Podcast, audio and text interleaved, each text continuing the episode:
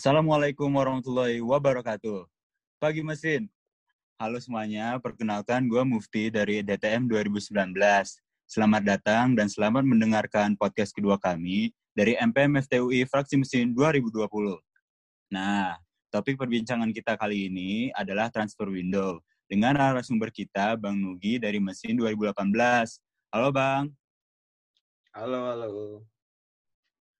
Nah, gimana nih kabarnya Bang? Kabar gue baik-baik aja sih. Alhamdulillah, puji Tuhan. Oke, oke.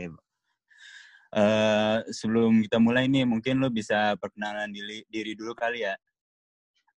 Oke, thank you. Jadi nama gue Bolon Nugraha dari Teknik Mesin Angkatan 2018. Anggota aktif VKM FTUI 2012 di MPM sebagai anggota dari Komisi Kelembagaan MPM FTUI 2020 dan tentunya dari fraksi mesin. Mantap. Oke, uh, gue mau nanya juga nih, kesibukan lu sekarang di kolega apaan sih, Bang? Hmm, kalau kesibukan gue di komisi gue itu uh, mungkin relatif lebih padat daripada tahun lalu uh, di tingkat komisinya ya, karena kita kan sebagai komisi kelembagaan pasti harus menyesuaikan nih sama keadaan sekarang. Selain itu juga kita hmm. lagi ada uh, wawancara GBPK gue memonitori juga lalu berikutnya ada uh, kita lagi merumuskan suatu mekanisme mekanisme uh, KLB untuk TW3 ini. Kita akan menyesuaikan proker-proker dan juga uh, parameter visi misi. Karena kita sebagai pengawas sebagai uh, lembaga yang uh, mengawasi eksekutif kita tentunya nggak bisa uh, membatasi dari keinginan keinginan eksekutif untuk menyesuaikan keadaan sekarang. Nggak bisa kita uh, harus terpaku pada uh, pada perancangan awal. Pasti kan kita bisa hmm. menyesuaikan lah. Kita eksekutif dan legislatif bersama-sama nih dalam menyesuaikan keadaan sekarang dengan tetap memberikan dampak untuk kepada warga. Lalu berikutnya uh, ada juga mem, uh, membahas mengenai periodis, periodisasi dan juga kaderisasi lembaga-lembaga di KMFTUI. Berikutnya juga uh, sedang uh, mempersiapkan ya, sedang mempersiapkan prokom, produk komisi gua. Jadi kalau di legislatif, uh, kalau di eksekutif itu pro, pro, program kerja, kalau di kami di MPM itu disebut produk komisi. Produk komisi yang gue pegang namanya transfer window. Hmm. Gitu. Oke, oke, oke bang. Semoga segala urusan lu di kolega dimudahin ya bang. Oke, okay, thank you, thank you. Oke, nah sekarang kita langsung aja nih ke pertanyaan inti. Nah, eh, yang pertama, bagaimana sih kesibukan, eh, bagaimana sih eh, transfer window dan bagaimana kerjanya tahun ini? Uh, jadi produk komisi gue ini transfer window itu sebenarnya rangkaian jadi uh, MPM MPM tuh sebagai fasilita, fasilitator dalam rangkaian mekanisme yang harus ditempuh sama si eksekutif dengan tujuannya itu lebih memberikan kesempatan kepada kelompok-kelompok atau klub-klub atau organisasi di KMFTUI yang berminat untuk ikut dalam mengupayakan tujuan KMFTUI ataupun untuk menjadi lembaga yang lebih mandiri mungkin bagi BSO dan juga uh, gimana kerjanya tahun ini. Tahun ini gue lebih ke mempersiapkan bahan ajar, semacam bahan ajar. Fok, mungkin fokusan gue ya, fokusan gue lebih ke bahan ajar yang menurut gue tahun lalu, dari tahun-tahun lalu itu masih kurang bagi gue. Jadi gue mempersiapkan antara lain tuh lembaga lembaga-lembaga yang potensial, gue bakal gue list untuk mungkin jadi bahan ajar buat tahun depan. Lalu berikutnya mengumpulkan PDPRT yang ternyata gue juga kaget juga karena kita belum ada semacam uh, kumpulan PDPRT lembaga-lembaga. Jadi gue udah mengumpulkan, jadi di situ ada jelas pendefinisian tiap lembaga. Lalu berikutnya uh, nanti bakal ada penuansaan. Di penuansaan itu akan ada semacam uh, pencerdasan infografis mengenai status lembaga di KMFTUI, mengenai lembaga-lembaga yang ada di KMFTUI, Lalu berikutnya yang Hmm. terakhir di ujung akan dibuka suatu uh, mekanisme tadi untuk lembaga bisa mengajukan kenaikan status mereka di KMFTUI. Gitu sih, Mu. Hmm, oke oke oke. Nah, kan dengan demikian kita udah tahu nih ya eh, dasar eh, dasarnya transfer window itu seperti apa. Nah, terus eh, gambaran umum alur transfer window itu sampai bisa jadi lembaga di IKM FTUI itu gimana sih, Bang? Oke, untuk gambaran umum alur sebenarnya itu sudah ada di uh, Tapmuker 9 atau PDPRT KMFTUI. Di situ jelas sebenarnya uh, tidak akan melenceng jauh dari situ. Jadi alurnya itu Hmm. berbeda-beda juga sih tiap lembaga. Jadi kan di sini kita membahas mengenai BSO, BOK, BO dan juga KPD. Kalau KPD sendiri, kalau ada yang Hmm. ingin mengajukan uh, lembaganya untuk naik sebagai KPD, jadi pertama itu akan mengumpulkan berkas-berkas yang udah yang ada jelas di tercantum di PDPRT itu antara lain kayak uh, rancangan program kerja, habis itu uh, kepengurusannya seperti apa, lalu juga Hmm. uh, ya semacam itulah yang ada di PDPRT tercantum di situ. Baru berikutnya itu termasuk juga uh, bukti-bukti juga sih. Di situ ada juga tercantum di Tapmuker 9. Lalu berikutnya kalau diterima kalau kalau diterima baru itu kan udah diberikan kepada Se- ap- apabila diterima selanjutnya akan berkoordinasi dengan I- uh, dengan IMD uh, departemen terkait mungkin mengenai uh, bagaimana mereka program kerja mainnya nanti, bagaimana timeline mereka, apa tujuan mereka, segala macamnya. Baru berikutnya akan ditap, ditetapkan oleh MPM fraksi departemen terkait lewat sidang Hmm, fraksi hmm, mereka yang melibatkan di situ akan ada KPD tersebut, akan ada perwakilan KPD tersebut untuk mempresentasikan uh, gagasan mereka. Baru berikutnya setelah ditetapkan oleh MPM fraksi itu akan diajukan ke akan dibawa dan disahkan ke MPM pleno. Tapi tidak meng- mengikutkan KPD lagi. Jadi cuma tinggal perwakilan MPM FTW fraksi aja. Baru setelah itu Hmm. sudah dia baru setelah itu jalan. Sementara kalau sebenarnya alur untuk uh, sisanya BOK, BSO gitu juga sebenarnya mirip-mirip juga. Pertama mengajukan berkas, baru bedanya berkoordinasi dengan BEM. Kalau BOK, BOSO, atau BO. Baru berikutnya disahkan uh, setelah berkoordinasi dengan BEM akan disahkan oleh MPM Pleno dengan melibatkan tadi BOK atau BSO atau BOK atau BO terkait. Baru berikutnya bisa berjalan.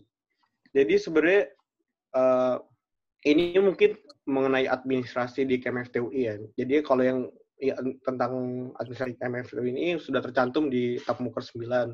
Sementara nanti untuk berikutnya setelah ditetapkan mereka sebagai lembaga resmi di, di KMFTUI, mereka uh, ada juga bakal administrasi ke dekanat karena itu sebenarnya yang paling penting.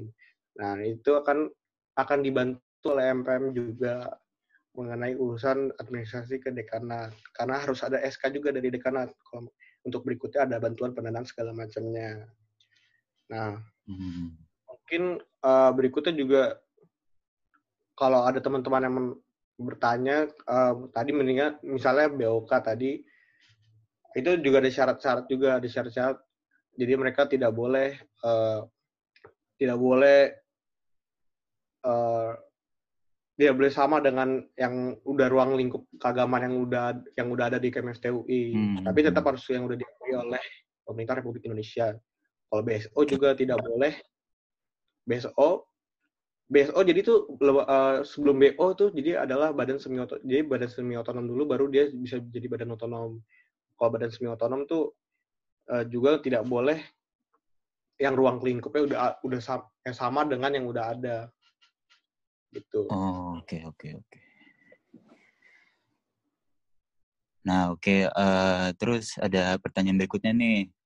Eh landasan adanya transfer window in the first place itu apa sih, Bang? Jadi landasan uh, landasan adanya produk komisi ini, jadi mungkin kalau teman-teman bertanya, kalau program kerja eksekutif itu uh, berda biasanya berdasarkan untuk memenuhi poin GBPK. Kalau legislatif, hmm. kami tinggal menyesu tinggal memenuhi poin kewajiban MPMFTUI yang udah ada di uh, tamu ke-9 PDPRT KMFTUI. Dan di situ udah tertulis uh, bagian keempat peraturan rumah tangga IKM FTUI di situ ada poin kewajiban dari MPM FTUI yaitu mengesahkan eh, kewajiban eh, ke, poin ke-14 yaitu mengesahkan BO, BOK, BSO atau KPD yang berada dalam IKM FTUI. Berikutnya juga ada hak dari kita dari MPM FTUI yaitu hak keempat bagian kelima dari peraturan rumah tangga IKM FTUI yaitu mengesah hak untuk mengesahkan atau menolak permohonan BO, BOK, BSO, dan KPD yang akan berdiri atau berubah status dalam IKM FTUI. Jadi itu payung hukumnya, Mu. Oke, oke, oke. Nah, kan kita udah tahu nih ya, banyak banget nih istilah nih, kayak BO, BSO, ya. BOK, KPD, gitu kan, Bang? Nah, eh, lembaga di IKM FTUI itu terbagi-bagi menjadi apa aja gitu, Bang? Jadi kalau uh, mungkin ini statusnya ya. Kalau statusnya lembaga IKMFTUI itu tuh sebenarnya ada di bab 6, bab 6 peraturan dasar IKMFTUI. Jadi itu dijelaskan segala macamnya tentang mengenai BEM, mengenai IMD, BO, BSO, KPD. Jadi kalau BO itu sebenarnya lembaga eksekutif yang fungsinya itu untuk menampung, menyalurkan aspirasi, minat, bakat, atau kreasi KMFTUI untuk men untuk menunjang tujuan. Sementara kalau hmm. uh, eh, BSO itu sama dengan BO, tapi mereka masih mempunyai hak untuk mendapatkan pembinaan dari BEM dalam hal kaderisasi. Kaderisasi di sini artinya memastikan keberlangsungan dan keberlanjutan lembaga itu. Baru kalau KPD itu lembaga eksekutif juga yang gunanya juga sama untuk menyalurkan, untuk uh, mewadahi aspirasi dan juga kreasi minat dari warga tapi sesuai dengan core competence. Jadi tadi makanya uh, pengajuan KPD itu ada di, di sidang fraksi dulu karena fraksi MPM fraksi itu harus lihat dulu ini apakah sesuai dengan core competence lembaga mereka. Hmm. Itu lalu hmm. berikutnya ada BOK jadi kalau BOK tentunya Badan Otonom Keagamaan itu eksekutif yang gunanya untuk menampung dan menyalurkan minat dalam uh, ruang lingkup keagamaan. Sementara kalau mungkin kalau BEM sama IM udah pasti ya eksekutif mm-hmm. sebagai koordinator eksekutif juga di mm-hmm. ruang lingkup mereka uh, departemen itu. Oh, Oke, okay. jadi uh, perbedaannya cuman ini ya uh, bidang kerja masing-masing gitu aja ya, Bang? Gimana gimana? perbedaannya cuman kayak bidang kerjanya masing-masing gitu kan bang ya bisa ya bisa dibilang gitu oke oke oke nah terus uh, uh, apa sih bedanya BO sama BSO bang oke tadi yang kayak udah gue bilang tadi sebenarnya BO tuh sama sama BSO tuh sama-sama lembaga eksekutif yang gunanya untuk menampung dan menyalurkan aspirasi minat bakat anggota KMFTU untuk uh, tujuan IKMF TUI. Hmm. Sementara kalau BSO itu sama juga, tapi mereka masih mempunyai hak untuk mendapatkan pembinaan dari BEM FTUI dalam hal kaderisasi mereka. Oh. Jadi kaderisasi itu artinya yang tadi udah gue bilang memastikan keberlangsungan dan keberlanjutan lembaga. Selain itu juga perbedaannya kalau B, BO itu mereka mempunyai hak untuk menentukan uh, kebijakan periodisasi mereka. Mereka punya ke, punya hak otonom untuk melakukan hal tersebut. Sementara BSO itu mereka harus sesuai dengan uh, BEM dan juga IEM yaitu Januari sampai Desember. Jadi untuk lembaga tapi lem, untuk menjadi lembaga badan otonom atau BO sebelumnya harus di, harus lewat harus menjadi lembaga BSO terlebih dahulu. Dan lembaga yang sudah menjadi BO bisa juga turun lagi menjadi BSO apabila mereka setelah dievaluasi oleh MPM mereka tidak tidak menyanggupi tidak sudah sudah tidak kompeten atau sudah tidak tidak bisa dibilang mandiri. Harus harus uh, menerima uh, pembinaan dari BEM itu. Nah sebenarnya yang jadi masalah kalau menurut gue selama ini uh, eh, BSO itu harusnya lebih diintervensi oleh BEM dalam hal uh, pembinaan tadi menerima pembinaan dari BEM harusnya hal tersebut harusnya BEM bisa mengintervensi mengintervensi secara dalam hingga akhirnya BSO ini tidak nyaman nih kayak aduh gue terlalu apa diintervensi oleh BEM gue pengen banget nih secepatnya naik BO harusnya seperti itu. Kondisi hmm. idealnya seperti itu harusnya.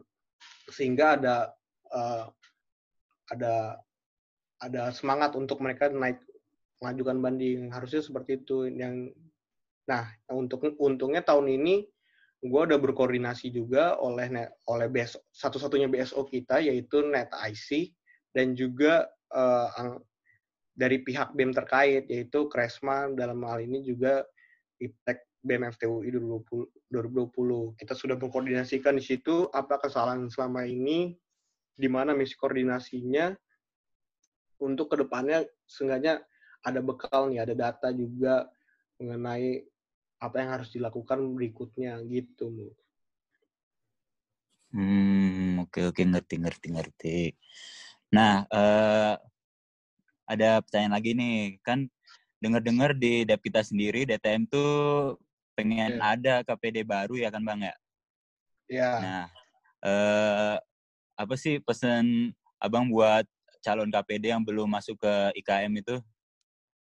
Ya, jadi gue seneng banget sebenarnya gue uh, udah dapat kontak, udah udah kontak-kontakan juga sama uh, mungkin salah satu orang dari yang ingin mengajukan itu, yang yang ingin membuat lembaga. Mm-hmm. Gue seneng banget karena di situ uh, mereka dia tuh bertemakan student chapter yang menurut gue sangat dibutuhkan di di departemen kita buat naikin lagi nih atmosfer akademik di akan di departemen kita yang menurut gue hmm, agak sedikit menurun. Gue seneng banget dan juga kalau pesen gue sih buat KPD yang belum masuk, mungkin yang KPD tersebut ataupun semua lembaga yang belum masuk mungkin jadi harus diingat lagi apa tujuan kita bersama.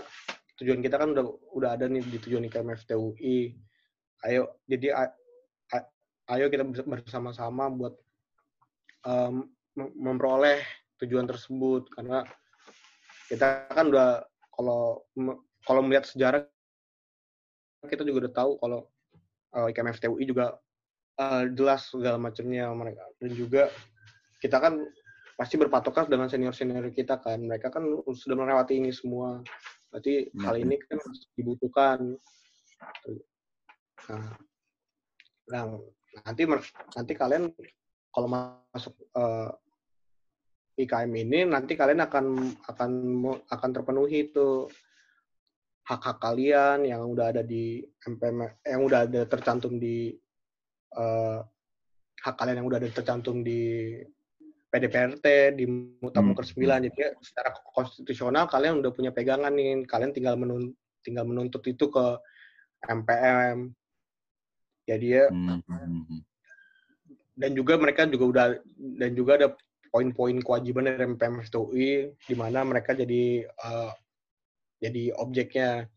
Dan juga mungkin sekaligus ini sih manfaat di masuk IKM FTUI ini juga ya Move ya. Iya. Hmm. Selain itu juga MPM juga bisa jadi mediator dalam hal pengendaraan ke dari dari dekanat. Karena kan kita tahu dekanat pasti udah punya kepercayaan kan lewat MPM. Kalau lembaga itu baru kan mungkin belum dipercaya tapi kalau dengan MPM lewat tools mereka eh dengan tools kami pasti nanti uh, karena kalian sudah menjadi lembaga resmi pasti bisa uh, dimediasikan. Lalu berikutnya itu kita juga membantu dalam hal cash flow dan LPJ keuangan. Untuk apa? Biar ke biar lembaga tersebut jadi lebih terpercaya ke member atau anggota yang akan bergabung. Jadi kita udah ada pengawasan nih dari pihak MPM beda dengan lembaga yang mungkin mandiri gitu kan nggak ada pengawasan. Lalu juga bisa ikut uh, rakor segala macamnya bisa bertukaran gagasan lalu meminimalisir yang paling penting meminimalisir juga timeline bentrok karena bisa jadi anggota-anggota atau member kalian itu bisa bergabung juga kan di lembaga lain jadi ya timeline kalian bisa teratur dengan masuknya ke IKMF TUI lalu juga uh, kalian juga bisa ikut updatean dari dari IKG, dari GBPK, dari Tapmuker. Karena itu semua kan diperbarui dengan cara musyawarah kan, tidak diambil uh, rumusannya tuh secara sepihak dari MPM FTUI. Jadi itu udah sesuai dengan uh, dengan pemangku jabatan yang terdahulu-terdahulu yang bakal dirumuskan menjadi eh, peraturan-peraturan yang akan dipegang oleh penerus kalian. Lalu karena sebenarnya lembaga lembaga jadi punya standar. Jadi justru uh, MPM itu sebagai legislatif itu dia menetapkan standar. Kalau eksekutif itu tujuannya untuk menetapkan tujuan apa keting semakin tinggi apa cita-cita mereka itu yang yang harus eksekutif tetapkan. Sementara lembaga MPM itu kita menetapkan standarnya supaya semuanya itu berjalan dengan standar yang sama lah. Lalu juga sistem berkas yang udah jelas dari kita juga membuat lembaga seterusnya jadi lebih rapi dan terstruktur pastinya. Dan juga uh, relasi kalian akan lebih kuat dan juga stakeholder semakin beragam. Dan yang terakhir mungkin uh, kalau kalian jadi orang kalau kalian orang yang suka berkontribusi, kalau kalian orang yang suka uh, memberi dampak buat lingkungan, itu juga jadi hal yang baik nanti berikutnya kalian pas sudah lulus kalian tahu nih pernah memberi pernah berjasa pernah meninggalkan uh, hadiah lah buat IKM FTUI melahirkan sebuah lembaga yang berikutnya akan berguna bagi adik-adik kalian nantinya. Itu sih move. Oke oke oke. Uh, jadi istilahnya tuh kayak kalau masuk IKM tuh jadi mendapat sebuah uh, bisa dibilang kayak payung gitu kan ya uh, bisa mendapatkan pelindungan secara uh, resmi gitu kan ya. Bisa iya bisa bergerak bersama lah. Oke oke oke. Nah uh, belum cukup nih pertanyaan kita bang. Jadi uh, teman-teman kita juga uh, ada yang bertanya nih di Instagram kita at mpmftui.mesin uh, pertanyaan mereka nih yang pertama adalah uh, mungkin kita sekarang uh, bergerak ke tingkat FT ya. Uh, kelanjutan impi yang waktu itu bagaimana sih bang? Kelanjutan impi, jadi sebenarnya uh, jadi kalau dari MPM tuh belum ada sikap, belum ada keputusan mengenai impi ini.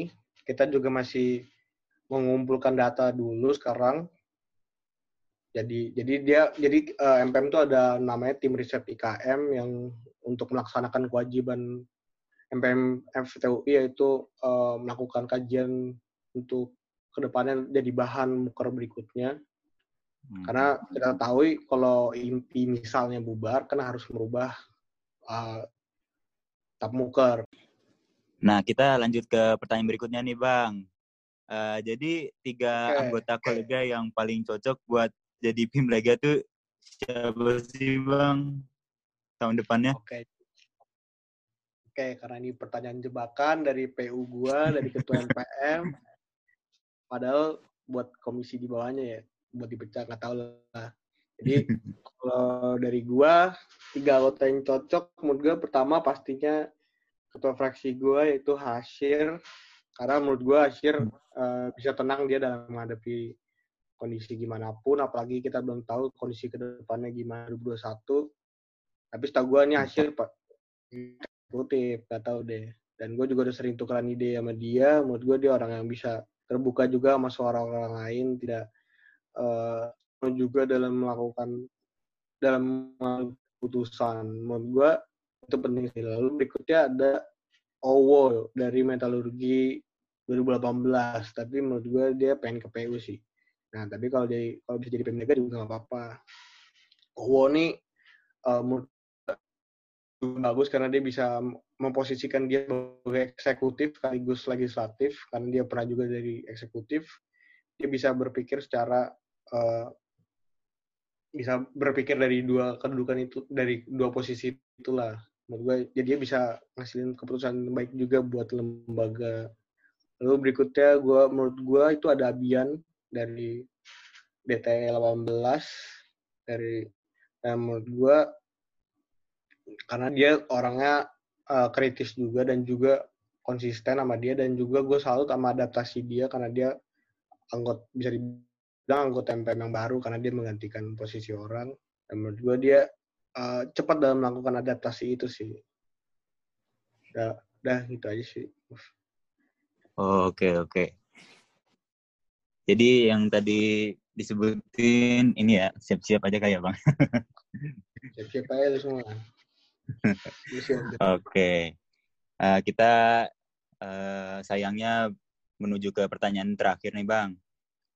Jadi yeah. Ya. uh, kesan lu selama menjabat di MPM FTU itu gimana bang? Hmm, gua menjabat yang pasti gue seneng banget, gue bersyukur banget. Gue uh, gue rasa ini bukan keputusan yang salah maju sebagai halaman baru di hidup gue karena gue maju MPMFTU ini gue banyak belajar berinteraksi belajar uh, menyampaikan ide membungkus ide itu untuk dikasih ke uh, ke floor baru juga belajar uh, lembaga di teknik ini lalu gue kenal banyak orang yang di situ menurut gue berisi semua sih kalau di MPM kalau dibilang kalau ada yang bilang MP apa aktivis tuh cuman yang kuliahnya berantak itu kagak sama sekali nggak sama sekali. Aja itu ada dua atau tiga orang mapres menurut gue semuanya juga tetap konsisten dalam uh, bekerja di MPR ide-ide juga bagus dan uh, ya sih itu gue senang banget sih gue bisa bagian dalam MPM ini Asik, oke oke. Nah, eh, makasih banget nih Bang. Makasih nih banget nih Bang Nugi udah mau sharing sama kita tentang transfer window. Ya. Semoga teman-teman pendengar bisa paham nih seluk-beluk transfer window dan juga eh, menggali lebih jauh gimana sih sistem kerja di KMFTU itu. Oke. Nah, sekian teman-teteman semua. Eh, makasih Bang. Oke, sekian teman-teman semua podcast MPM FTUI Fraksi Mesin 2020 kali ini. Semua sampai ketemu lagi di podcast selanjutnya ya. Wassalamualaikum warahmatullahi wabarakatuh.